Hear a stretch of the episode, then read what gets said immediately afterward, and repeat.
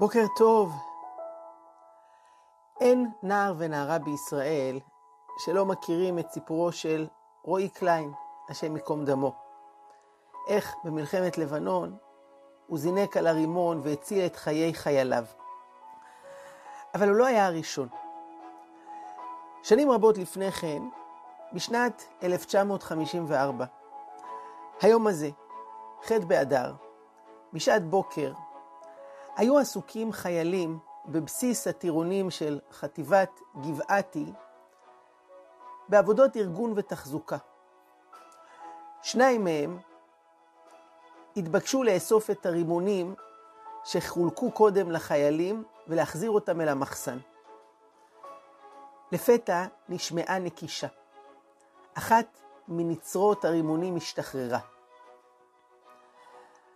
החייל הקרוב ביותר היה נתן אלבז. הוא לקח את הרימון ויצא איתו בריצה מהאוהל.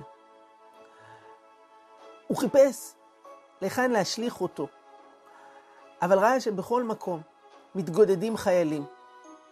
הוא הבין שאם הוא יזרוק את הרימון, יהיו רבים שייפגעו. בשבריר שנייה הוא קיבל החלטה. הוא אחז את הרימון וזינק איתו אל תעלה סמוכה. ואז נשמע הפיצוץ. אחרי שהעשן התפזר, ראו החיילים את גופתו של נתן אלבז, ששוחח בגופו על הרימון והציל את חיי חבריו. נתן היה חייל בודד, שעלה לבד בגיל 17 ממרוקו כמה חודשים לפני כן. משפחתו עוד נשארה מאחורה, אבל הוא עלה לארץ ישראל והתגייס לצבא. לא היה קל להיקלט, בוודאי כשאתה לבדך, בלי המשפחה. אבל הוא עשה את זה מתוך אהבה לעם ישראל ולארץ ישראל. אחרי מותו, נתן אלבז, הוענק עיטור הגבורה. היום יש מחנה צבאי גדול שנקרא על שמו, והסיפור שלו היה השראה לאלו שבאו אחריו.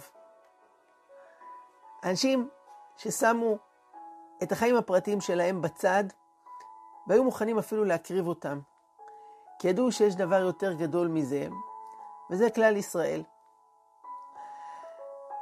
ואולי מי שהקדימה את כולם הייתה אסתר, שנכנסת אל המלך אחשורוש, כשהיא יודעת שיש סיכוי גבוה שהיא לא תחזור משם.